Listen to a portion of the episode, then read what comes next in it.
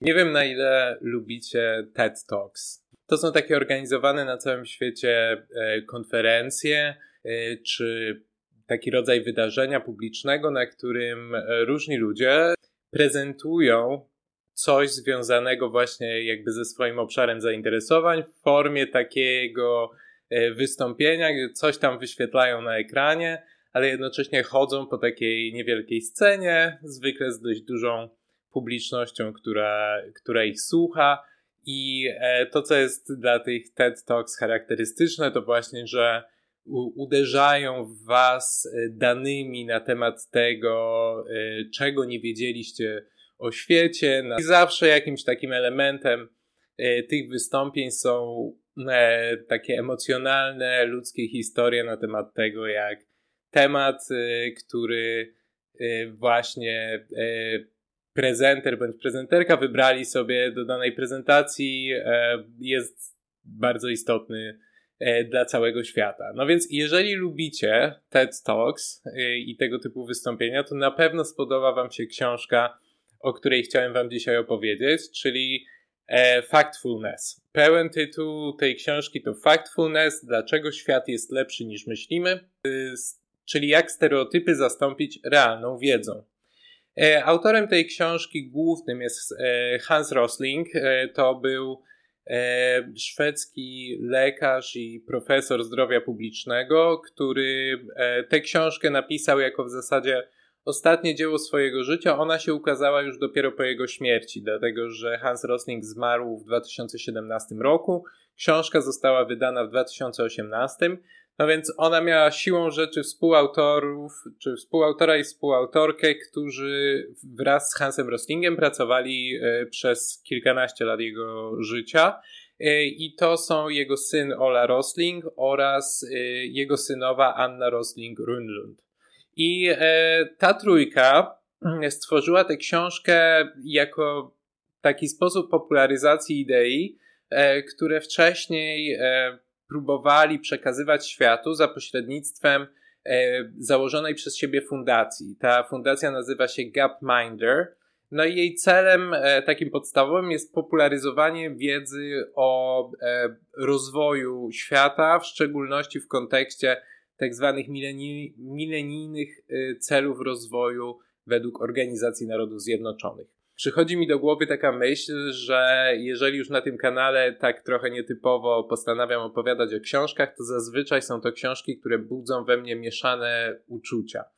I tak dosłownie mieszane, to znaczy nie, że jestem wobec nich wprost krytyczny, tylko y, takie, o których nie do końca wiem, co sądzić, i jest to prawdopodobnie spowodowane tym, że kiedy spotykam się z książką, która jest po prostu moim zdaniem bardzo dobra, to zazwyczaj jedyne, co mógłbym wam o niej powiedzieć, to, że totalnie powinniście bądź powinnyście ją przeczytać. I... No a z tymi książkami, do których tutaj sięgam, jest zwykle inaczej, znaczy zwykle. Wcześniej omawiałem jedną książkę, e, był to Wiek kapitalizmu i inwigilacji e, Szoszany Zubow i o tej książce mówiłem wam z dużym zaciekawieniem tutaj, ponieważ sądzę, że temat, który poruszała, czyli E, temat tego, jak wielkie cyfrowe korporacje e, wykorzystują zdobywane od nas dane do tego, żeby sprzedawać nam coraz to nowe produkty, jak e, całym ich celem funkcjonowania jest wyciąganie tyle informacji od nas, ile się da, to uważam, że ten przekaz jest bardzo wartościowy, natomiast jednocześnie miałem poczucie, że ta książka, jakkolwiek bardzo mądra, no jest po prostu taką potężną kobyłą, do której przeczytania zapewne Was nie zachęcę. Z książką Factfulness tak nie jest. Ona jest bardzo e, prostym, przejrzystym językiem napisana, jest bardzo przyjazna w lekturze i zapewne dlatego stała się tak popularna. Wydawcy chwalą się rekomendacją od Billa Gatesa, e, który e, opowiada o tym, w jaki sposób ta książka zmieniła jego postrzeganie świata. O co chodzi w tej całej książce? To znaczy, e, jakie jest podstawowe założenie? E, autor, czyli załóżmy, że tym głównym autorem jest Hans Rosling, e, wychodzi z założenia, że ludzie generalnie nie mają świadomości tego, jak wygląda świat tak na dzień dzisiejszy. To znaczy, e, świat w znaczeniu pewnych celi, które ludzkość y, postawiła sobie i które próbuje osiągnąć. Takich jak eliminacja skrajnego ubóstwa, takich jak e, zwalczanie chorób zakaźnych, e, takich jak e, przeciwdziałanie dyskryminacji kobiet, czy też zwiększanie dostępu do edukacji, zwiększanie dostępu do wody pitnej, tego rodzaju rzeczy. To było dzieło życia Roslinga. On sam, jako specjalista zdrowia publicznego i jako lekarz, pracował w wielu krajach na świecie, e, pomagając walczyć z epidemiami chorób zakaźnych, ale też i z innymi problemami zdrowia publicznego, z którymi e, te kraje się borykały. No i e, od momentu, w którym zaczął swoją działalność popularyzatorską, to zaczął stosować taki test. E, I to jest krótki test, e, który e, sprawdzał na tysiącach różnych uczestników i uczestniczek swoich prelekcji, spotkań i tak dalej na całym świecie. I on zawiera pytania wielokrotnego wyboru. Generalnie można wybierać z trzech odpowiedzi. I te pytania dotyczą, no właśnie, powiedzmy, stanu świata E, I takie przykładowe pytanie, które tam pada, no to na przykład jest e, pytanie o to, jaka jest e, średnia długość życia obecnie na świecie. I tam można wybrać, czy to jest 50 lat, 60 lat, czy 70 lat, albo jaki odsetek dzieci, rocznych dzieci na świecie jest zaszczepiony przynajmniej jedną szczepionką. No i znów można wybrać, czy to jest 20%, 50%, 80%. To są tego rodzaju pytania. I e, możemy sobie wyobrazić, że ludzie się mylą, ale zaskakujące jest to, jak bardzo się mylą. To znaczy, e, Rosling zauważa, że ludzie e, mylą się proporcjonalnie dużo bardziej, niż gdyby po prostu wziąć symboliczne szympansy, które zakładamy, że wybierałyby w miarę losową odpowiedź. To znaczy, generalnie ludzie mylą się 80% yy, częściej niż robiłyby to szympansy. Gosling uważa, że generalnie sposób, w który postrzegamy świat jest nadmiernie pesymistyczny, bo to jest istotne, w którym kierunku ludzie się mylą. Generalnie we wszystkich tych pytaniach, poza jednym, które dotyczy zmian klimatu, poprawna odpowiedź to jest ta najbardziej optymistyczna, czyli na przykład średnia długość życia na świecie obecnie wynosi 70 lat, nie 50 i nie 60 a y, ponad 80% y, rocznych dzieci otrzymało co najmniej jedną szczepionkę. I w związku z tym, e, że ludzie odpowiadają błędnie, to znaczy, że oceniają świat jako gorszy i znajdujący się w gorszym położeniu niż on jest naprawdę.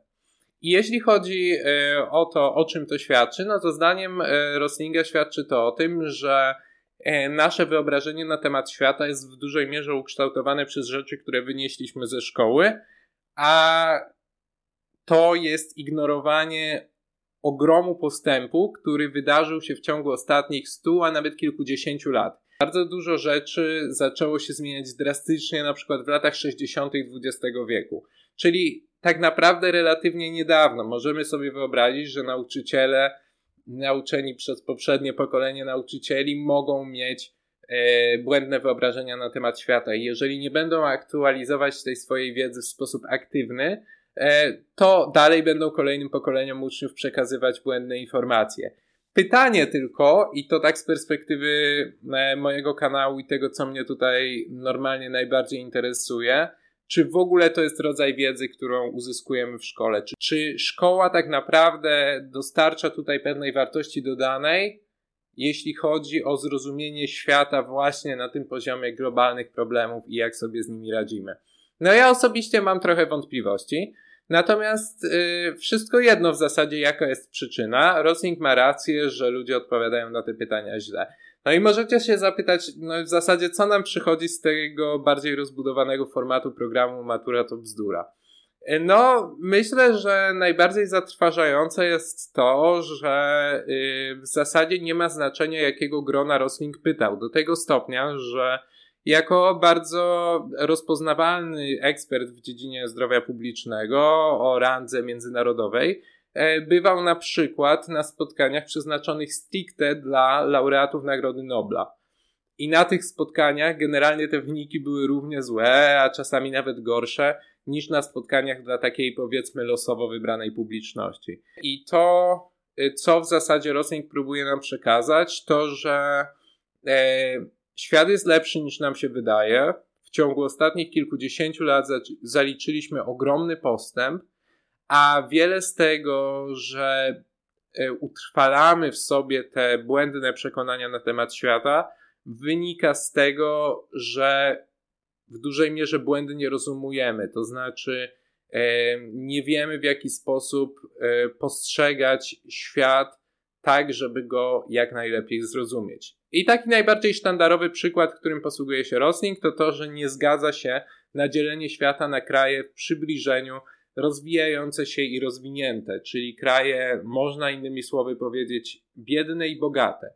Zamiast tego on postuluje taki podział na cztery y, grupy dochodowe krajów i ciągłe zwracanie uwagi na to, że w zasadzie w każdym z tych krajów da się mniej lub bardziej żyć na każdym z tych poziomów dochodowych. To znaczy, potencjalnie, nawet jeżeli ktoś żyje w kraju e, tam powiedzmy drugiego poziomu, czyli takim średnio biednym, no to wciąż może być bogaczem i żyć na poziomie czwartym, tak? I na odwrót. W związku z tym bardziej zwraca uwagę na taki, na, no, na taki trochę bardziej subtelny podział tego, jak ten świat y, jest zorganizowany, dlatego że pokazuje nam na konkretnych danych, że nie jest prawdą twierdzenie, które było prawdziwe jeszcze 60-70 lat temu, że świat jest podzielony na dwa drastycznie odrębne obozy. Małą część bogatych krajów, w których pewne podstawowe statystyki dotyczące zdrowia publicznego, dotyczące skali ubóstwa, e, tego rodzaju rzeczy mają się nieźle i całą resztę krajów biednych, e, eufemistycznie nazywanych rozwijającymi się, w których no po prostu panuje masowe ubóstwo, y, toczą je wszystkie możliwe choroby, niemowlęta umierają, dziewczęta nie chodzą do szkół, wody pitnej nie ma i tak dalej. E, nową wersję tego e, testu, który, którą stosuje w tej chwili Fundacja Gapminder, e, wrzucę Wam w komentarzach pod tym filmem. Tak, w tej nowej wersji testu te pytania są inne, bo już trochę dotyczą innych problemów, no właśnie uwzględniając to, że faktycznie świat zmienia się bardzo dynamicznie. No i teraz, dlaczego ja mam mieszane uczucia dotyczące tej książki? Rosling jest bardzo optymistyczny. I generalnie rzecz biorąc, to jest podstawowa krytyka tej książki. E, I wiele osób mogłoby powiedzieć, no, no ale jakby optymizm to jeszcze nie jest coś, za co kogoś należy krytykować. I owszem, to jest prawda, tak długo jak ten optymizm nie zaburza pewnej rzetelności. E, jeśli chodzi o Roslinga, no to on sam mówił, że on nie jest optymistą, tylko używał wobec siebie takiego określenia possibilist, czyli e, no, stworzył sobie takie określenie, które powiedzmy sugeruje, że on wierzy w to, że e, świat jest możliwy do zmiany i że jemu nie chodzi o to, czy on jest optymistyczny czy pesymistyczny, tylko że wierzy właśnie w możliwość ciągłego postępu, który zachodzi i który właśnie czyni ten świat coraz lepszym miejscem. E, ten zarzut dotyczący optymizmu, no to jest taka podstawowa sprawa, która się prze, przebija i w jaki sposób ten optymizm może być wadą, to powiem za chwilę, ale może najpierw powiem tak naprawdę o zaletach tej książki z mojej perspektywy. I moim zdaniem tak, po pierwsze, z takiej perspektywy, którą bardzo chciałbym przekazywać na tym kanale, to Hans Rosling zwraca uwagę na pewne nasze błędy poznawcze i zwraca uwagę na to, e, w jaki sposób możemy poprawić nasz sposób myślenia o świecie, o danych na temat świata, o informacjach. I kilka takich porad, które mi utkwiły w głowie, to po pierwsze, taka jego myśl, że rzeczy mogą jednocześnie być złe i ulegać poprawie. I tak jest generalnie z wieloma rzeczami na świecie. Jeżeli pomyślicie następnym razem o tym, że wciąż mnóstwo dzieci umiera z głodu na świecie, co jest faktem, to pomyślcie sobie o tym, że tak, to jest złe, bo generalnie żadne dziecko nie powinno umierać z głodu i, i nie wyobrażam sobie, żebyśmy stwierdzili inaczej. Natomiast z drugiej strony, jeżeli weźmiemy pod uwagę, jaki odsetek dzieci umierał z głodu jeszcze kilkadziesiąt lat temu i w jaki sposób to stopniowo ulegało poprawie, no to to jest imponujący postęp. Rzeczy mogą mieć się jednocześnie coraz lepiej i wciąż źle. I to jest moim zdaniem bardzo wartościowy punkt widzenia. Drugi punkt widzenia, y, na który y, Rosling zwraca naszą uwagę, to żebyśmy uważali na średnie i na wartości skrajne. Y, to, że średnio na jakimś poziomie się żyje w danym kraju tak, a w jakimś innym kraju inaczej, to nie zmienia faktu, że istnieją bardzo duże różnice wewnątrz tych krajów, tak? I i to, czy te różnice są mniejsze, czy większe, też się różni między krajami. Mówimy o współczynnikach nierówności. Jest na przykład taki współczynnik Giniego, który pokazuje, czy społeczeństwo jest bardziej równościowe, czy bardziej roz, rozwarstwione ekonomicznie. I on nam pozwala zrozumieć, czy tak naprawdę ludzie żyją na podobnym poziomie w obrębie danego społeczeństwa, czy jednak na bardzo różnym. Dlatego warto byłoby zobaczyć całe spektrum zwraca naszą uwagę na to, żebyśmy uważali na wartości skrajne. Owszem, porównanie najbogatszego kraju świata z najbiedniejszym krajem świata będzie drastyczne, ale jednak, jak Rosling podkreśla, najwięcej ludzi na świecie żyje w krajach o średnich dochodach. Oczywiście te jego kryteria są równie arbitralne jak dowolne inne, ale generalnie rzecz biorąc, jak on dzieli na cztery grupy dochodowe ludzkość, no to w tych krajach tej grupy pierwszej, najbiedniejszej żyje tylko około 9% ludności. Natomiast większość ludności żyje w krajach grupy drugiej i trzeciej, część w krajach grupy czwartej. Dalej, e, to co moim zdaniem jest bardzo cenne w tych wywodach Roslinga, to jest to, żebyśmy zwracali uwagę na różnice wewnątrz grupy, to już o tym powiedziałem, a po drugie na podobieństwa między grupami. To znaczy, to pozwala nam patrzeć na świat inaczej niż w kategoriach my, oni. Y, ten sposób patrzenia jest bardzo szkodliwy i Rosling wiele razy przywołuje, że to jest sposób myślenia, który zdarza mu się zasłyszeć, czy zdarzało mu się zasłyszeć e, od ludzi, tak e, od studentów i studentek na uniwersytecie, jak i od jakichś polityków, e, biznesmenów i tak dalej na, nie wiem, zjazdach w Davos. I ten sposób myślenia, który mówi nam, że jest jakiś sposób życia, jakiś poziom życia, który mamy my i jest jakiś poziom życia, który mają ci inni. Kraje dzielą się na biedne i bogate, wysoko rozwinięte, nisko rozwinięte i tak dalej. E, to jest e, bardzo szkodliwe myślenie, dlatego że między krajami jest tak naprawdę bardzo dużo podobieństw.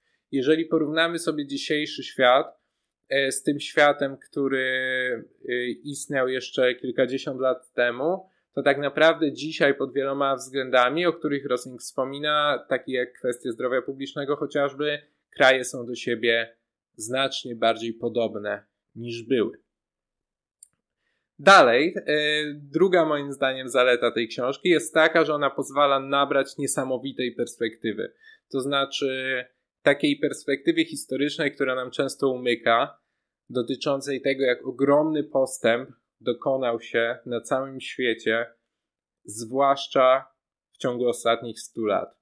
Rosling mówi e, w pewnym momencie w swojej książce, że on się urodził w Egipcie. Tak naprawdę nie urodził się w Egipcie, urodził się w Szwecji, ale kiedy mówi, że urodził się w Egipcie, ma na myśli to, że urodził się w kraju, którym była Szwecja lat 40., który był na tym poziomie rozwoju cywilizacyjnego, co dzisiejszy Egipt. Jego e, z kolei, tam powiedzmy, babcia e, urodziła się w e, kraju na poziomie e, Lesoto i tak dalej. On wspomina takie rzeczy, to pozwala nam nabrać pewnej perspektywy i zobaczyć, że e, ten poziom życia, który dzisiaj mają niektóre z tak zwanych krajów rozwijających się, to jest poziom, który miały wysoko rozwinięte kraje europejskie kilkadziesiąt lat temu, a o którym większość świata mogła tylko pomarzyć. Trzecia rzecz, trzecia zaleta, która, którą dostrzegam w tej książce Roslinga, e, to jest e, fakt, że ona budzi pewien optymizm, iż studzi takie panikarstwo, to znaczy studzi te narracje, które bardzo lubią media, kiedy próbują nam przedstawić, że świat jest pełen zagrożeń, e, pełen e, katastrof i chyli się ku upadkowi. To myślenie, chociaż ja rozumiem dlaczego, znaczy rozumiem dlaczego media to robią, bo po prostu to im przynosi pieniądze e, w dobie clickbaitów. Rozumiem też, dlaczego robi to część aktywistów i aktywistek, bądź też polityków i polityczek, ponieważ chcą w jakiś sposób zmobilizować ludzi do działania i do zainteresowania się rzeczami, na których ich zdaniem powinno ludziom zależeć. Ale to nie do końca musi tak działać. To znaczy, e, jest taki poziom straszenia, w którym ludzie mają poczucie, że już się nic nie da zrobić, albo co gorsza, obracają się jedni przeciwko drugim. I w sytuacji, w której media straszą, bądź to sytuacją ekonomiczną, bądź to kryzysami zdrowia publicznego, bądź to kryzysem klimatycznym, e, bardzo łatwo jest budzić narracje, w których na przykład zamiast na rozwiązaniu problemu skupiamy się na szukaniu winnych i to zazwyczaj wśród ludzi, którzy są wyjątkowo mało winni temu wszystkiemu. Takimi grupami, którym często się obrywa, na przykład są e, migranci bądź uchodźcy których obwinia się czy to o problemy ekonomiczne, y, czy to o y, ogólnie trudną sytuację w krajach, podczas gdy e, to są najczęściej osoby na relatywnym dole drabiny społecznej, które tak naprawdę najbardziej obrywają na tym wszystkim. No to teraz konkretnie o wadach tej książki. Powiedziałem o tym, że wadą jest to, że Rosling jest nadmiernym optymistą. Problem nie polega oczywiście na tym, że jest optymistą. Problem polega na tym, że sposób, w który dobiera dane, to jest cherry picking. Jeżeli nie wiecie, co to jest cherry picking, to zapraszam do mojego filmu o, o tym, jak rozpoznać ściemę w internecie i o błędach logicznych, które ludzie popełniają w komentarzach w social mediach. Jak widać, popełniają je nie tylko ludzie w komentarzach w social mediach, ale również profesorowie uniwersyteccy w swoich książkach. I Rosling niewątpliwie to robi. To jest bardzo charakterystyczne, że w pewnym momencie wręcz zarzuca czytelnika bądź czytelniczkę wykresami, które pokazują, jak wszystko się na świecie poprawia, włącznie z tym, że e, w pewnym momencie e, wrzuca nawet wykresy e, wyprodukowanych w ciągu roku filmów. To jest wykres, który szybuje E, nowej muzyki, która została stworzona i nagrana, i to oczywiście znowu jest wykres, który, który jest u szczytu w dzisiejszych czasach. Okej, okay, wyłania nam się z tego obraz świata, w którym rzeczy, które są złe, idą w dół, natomiast rzeczy, które są dobre, szybują w górę. No tylko prawda jest taka, że to nigdy nie jest aż tak czarno-białe, jak próbuje nam to Rosling przedstawić. I jednak trochę żałuję tego, że nie pokusił się na pokazanie w tej książce, słuchajcie, ale to są przykłady rzeczy, które mimo wielkich osiągnięć wciąż nie idą tak, jakbyśmy chcieli, ba, potrafią iść nawet w przeciwnym kierunku. On o tym trochę wspomina, kiedy mówi na przykład o zmianach klimatu i ich konsekwencjach, e, ale wydaje się, że mimo wszystko nie docenia skali tego. I tu przechodzę do mojego drugiego punktu, czyli to, że Rosling w pewnym momencie mówi, że powinniśmy się skupiać na rozwiązaniach, a nie na szukaniu winnych. I ja się generalnie z tym zgadzam, bo zanim znajdziemy winnych, to moglibyśmy rozwiązać wiele problemów, a jeżeli przegapimy nasz czas na rozwiązanie problemów, to jakby nic nam nie przyjdzie z tego, że kogoś naznaczymy jako winnego i postanowimy się na nim zemścić. No ale jednakowoż jest mi trochę trudno przyjąć do wiadomości fakt, że Rosling bez żadnej w sumie refleksji przytacza przykłady takich osób jak Bill Gates, który zresztą potem wspaniale zachwala jego książkę, czyli bogatych filantropów, którzy owszem, zrobili sporo dla zdrowia publicznego, ale przy tym wszystkim byli odpowiedzialni za wiele procesów, które nie są korzystne z punktu widzenia ogółu ludzkości. To znaczy, w sytuacji, w której cały świat się rozwijał, oni gromadzili bogactwa i nie partycypowali proporcjonalnie e, we wspólnej puli podatkowej w krajach, w których powinni płacić podatki, czy w których ich firmy powinny płacić podatki, w związku z czym świat ogółem miał raczej mniej pieniędzy niż powinien mieć na to, żeby stwarzać projekty rozwojowe, żeby je realizować i nie da się wszystkiego moim zdaniem zastąpić e, dobroczynnością Billów Gatesów. Za to całkiem mogłoby pomóc to, że zaczęliby uczciwie płacić podatki w swoich krajach i te kraje mogłyby zacząć lepiej dbać o poziom chociażby właśnie zdrowia publicznego, ale też i wiele innych kwestii. E, I trzecia rzecz, która e, rzuca mi się w oczy, to to, jak bardzo rozmyte są granice w tej książce Roslinga, to znaczy w tych pytaniach, które on zadaje, bardzo wiele pytań zawiera pewne stwierdzenia bez ich zdefiniowania. Na przykład Rosling pyta, czy najwięcej ludzi na świecie żyje w krajach o niskim, średnim czy wysokim dochodzie. Skąd, jeżeli nie byłem czytelnikiem jego książki, mam wiedzieć, co on rozumie jako kraj o niskim dochodzie, średnim dochodzie i wysokim dochodzie.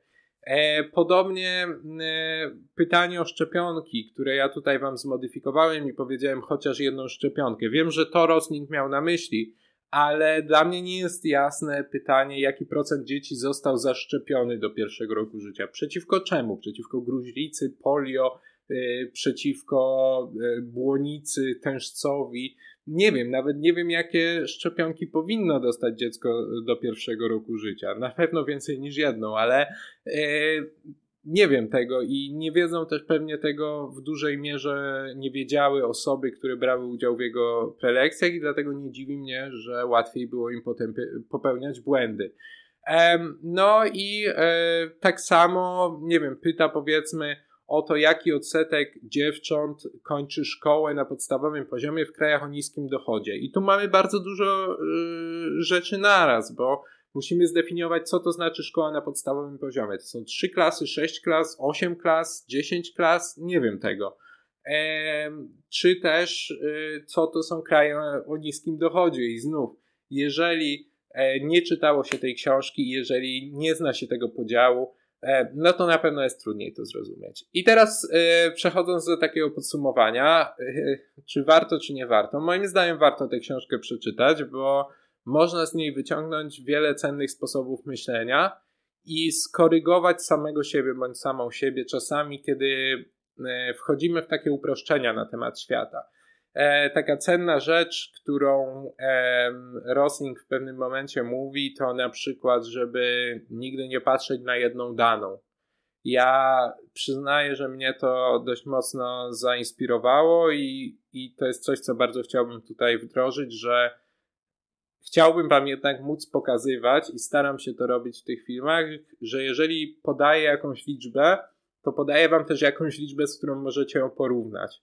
Tak było, kiedy chociażby nagrywałem nie tak dawno film o inflacji w Polsce. Specjalnie mówiłem dość dużo o tym, ile ta inflacja wynosi w innych krajach, albo ile potrafiła wynosić historycznie, żebyście mogli i mogły ocenić, czy ta inflacja, którą mamy w tej chwili w Polsce, to jest bardzo źle, czy trochę źle, czy wcale nie źle.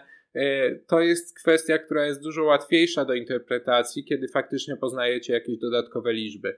Rzucenie jedną liczbą nie powinno was przekonywać y, do tego, że ktoś ma rację. Bardzo łatwo jest podać jakiś e, procent e, albo jakąś statystykę, ale jeżeli nie porównacie tego z czymś e, innym, no to ona jest mało wartościowa.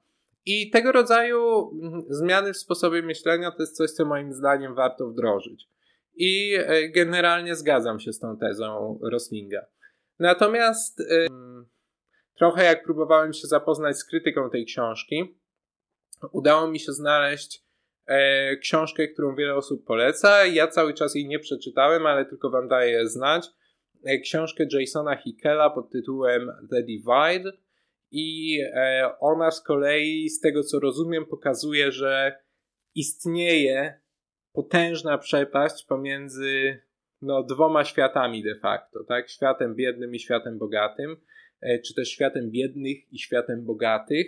E, I e, jeśli chodzi o tę książkę, no to ona jest podobno taką odtrutką na pewno uproszczenia, które Factfulness nam prezentuje. Ta książka jest dostępna tylko w języku angielskim. Tak jak powiedziałem, ja jej jeszcze nie czytałem, natomiast czytałem inną książkę tego samego autora, Jasona Hickela, Mniej znaczy więcej. I to jest książka, która została wydana w Polsce przez wydawnictwo Charakter, jest przetłumaczona, więc polecam, moim zdaniem, moim zdaniem całkiem niezła. Natomiast jeśli mam polecić coś od siebie, coś, co trochę stawia znak zapytania przy tym wszystkim, co, co Rosling prezentuje, e, to poleciłbym również całkiem znaną książkę Głód Martina Caparrosa. E, to jest książka skupiona tylko na jednej tematyce w zasadzie, czyli tematyce żywności i no, jak sama nazwa wskazuje, jej braku i spowodowanego tym głodu. E, ale myślę, że to jest o tyle dobre, że e, tak jak w książce Roslinga nie ma ani jednego wykresu, który by pokazywał jakąś dobrą rzecz, która idzie w dół, albo złą rzecz, która idzie w górę, tak książka Caparrosa jest w dużej mierze o tym. W sensie on mówi, że właśnie jeśli chodzi o zaopatrzenie ludzkości w żywność, to wiele rzeczy się de facto pogorszyło. To znaczy, oczywiście mieliśmy wiele osiągnięć technicznych, które to usprawniły, ale ale są pewne rzeczy, które w ostatnich y, latach czy w ostatnich dekadach ulegają pogorszeniu. I moim zdaniem bardzo wartościowa perspektywa, również dlatego wartościowa, że Caparros nie skupia się wyłącznie na tych krajach, które Rosling nazwałby biednymi, czy krajami o niskim dochodzie, czyli tych, tymi krajach z jego grupy pierwszej, ale tak naprawdę odwiedza różne miejsca na świecie i kraje, które z kolei Rosling zaliczyłby do grupy drugiej, trzeciej e, i tak dalej. E, więc y, ja tę książkę mogę tutaj polecić i tak poza tym uważam, że y, warto zapoznać się z tym, co Fundacja Gapminder prezentuje na swojej stronie internetowej. Warto obejrzeć ich projekt, który się nazywa Dollar Street, który pozwala nam zobaczyć, jak wyglądają domostwa, sposób życia i rodziny ludzi e, uszeregowanych e, pod względem dochodów na osobę w rodzinie i e, ulokowanych w różnych krajach. Pozwala nam tak naprawdę porównać, co to znaczy, że jest ktoś w Indiach, kto żyje za 30 dolarów e, miesięcznie na osobę, jest ktoś, kto za takie same pieniądze żyje w Burkina Faso, na ile ich życie jest różne od siebie, a może być ktoś w Indiach, kto żyje za 5000 dolarów miesięcznie na osobę na przykład? I jak wygląda życie tej osoby w porównaniu z e, tą osobą, która w tym samym kraju żyje za 30 dolarów.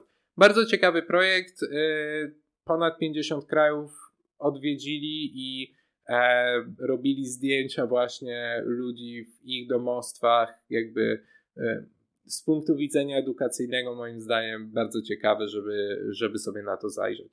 Także uważam, że jest to wartościowa pozycja, ale zdecydowanie nie warta aż takiego poziomu zachwytu, z którym się spotkała.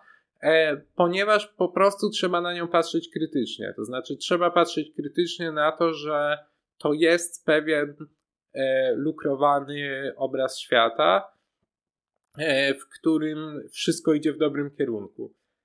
Rozumiem główną tezę, że świat poszedł w bardzo dobrym kierunku i to w sumie fajnie, ale no nie wszystko. Nie wszystko. E, to tyle na dziś. Dziękuję Wam bardzo za uwagę. Tym razem taki luźniejszy odcinek. Cieszę się, że obejrzeliście bądź obejrzałyście do końca. Jeżeli Wam się podobało, zostawcie łapki w górę.